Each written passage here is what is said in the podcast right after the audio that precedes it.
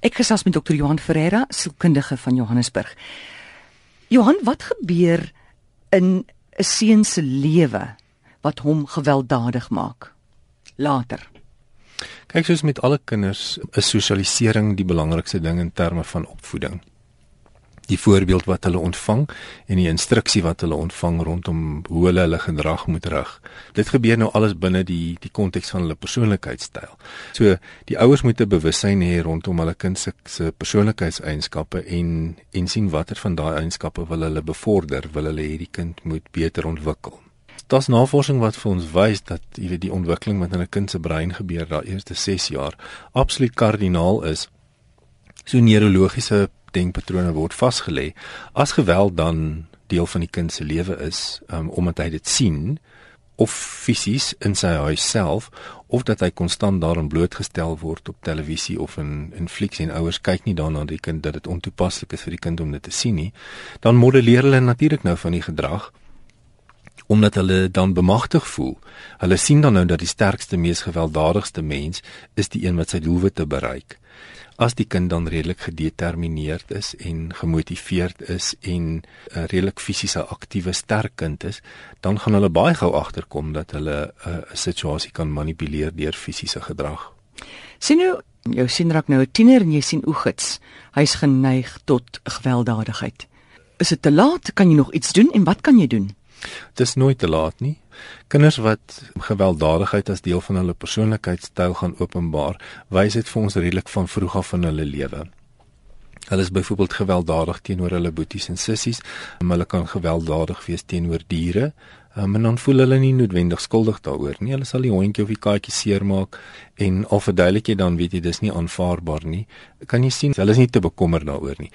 So daai is vir ons tekens dat daar moontlik gewelddadigheid in die kind se persoonlikheidstyl gelê kan word.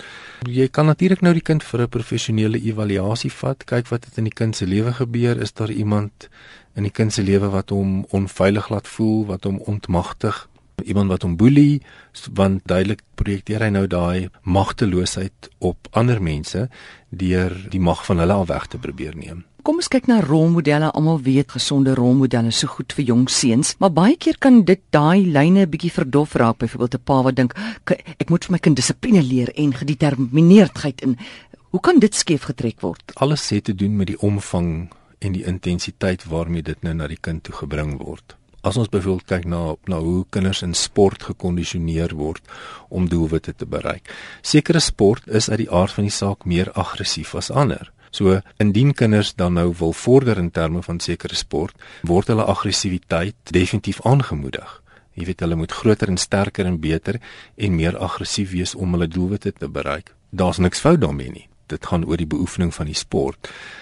Wat net in gedagte gehou moet word is dat die hele konteks vir die kind verduidelik moet word om te sê hierdie tipe van aggressiewe gedrag in 'n sportkonteks byvoorbeeld. Dit is vir daardie konteks aanvaarbaar. Dit beteken nie dat jy dit byvoorbeeld sosiaal ook moet uitleef nie. Jy kan nie so aggressief en dominerend wees byvoorbeeld in 'n sosiale verhouding nie. Die regulering van die kind se persoonlikheidstyl moet dan ook vir hom aangeleer word. Soms is dit aanvaarbaar en soms moet jy dit uit die aard van die saak minder maak want dit gaan vir jou negatiewe gevolge hê. Hoe moet 'n pa weet wanneer hy besig om sy seun emosioneel te verwaarloos? Die eerste duidelike teken is as jy net nie genoeg tyd met hom spandeer nie, dat jy baie min by die huis is en dat jy geen aktiwiteit saam met hom doen nie, dat die kind sy identifikasie met jou begin verloor. Hulle wil naderhand nie meer iets saam met jou doen nie. Dis 'n duidelike teken dat hulle dat hulle net nie voel dat jy dat jy genoeg met hulle in gemeen het nie. Die tyd, ritualistiese tyd wat jy met jou kind spandeer, baie belangrik, maar om dit ouderdoms toepaslik te hou. Jy weet 'n 16-jarige seun wil nie meer dag en nag saam met sy pa goedjies doen nie. Waar 'n 6-jarige seentjie hy sal alles saam met sy pa doen as jy hom 'n kans gee.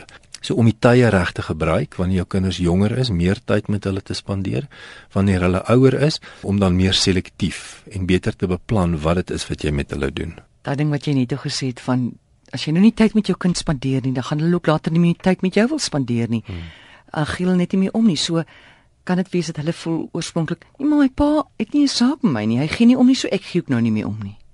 Wel, dis nou maar die voorbeeld Ja. wat hulle gehad het, dan modelleer hulle maar net die gedrag. En dit dit is 'n dilemma, jy weet, want ouers wat klein kindertjies het, is gewoonlik in die vestigingsfase van hulle lewe. Hulle is besig om hulle loopbane te vestig.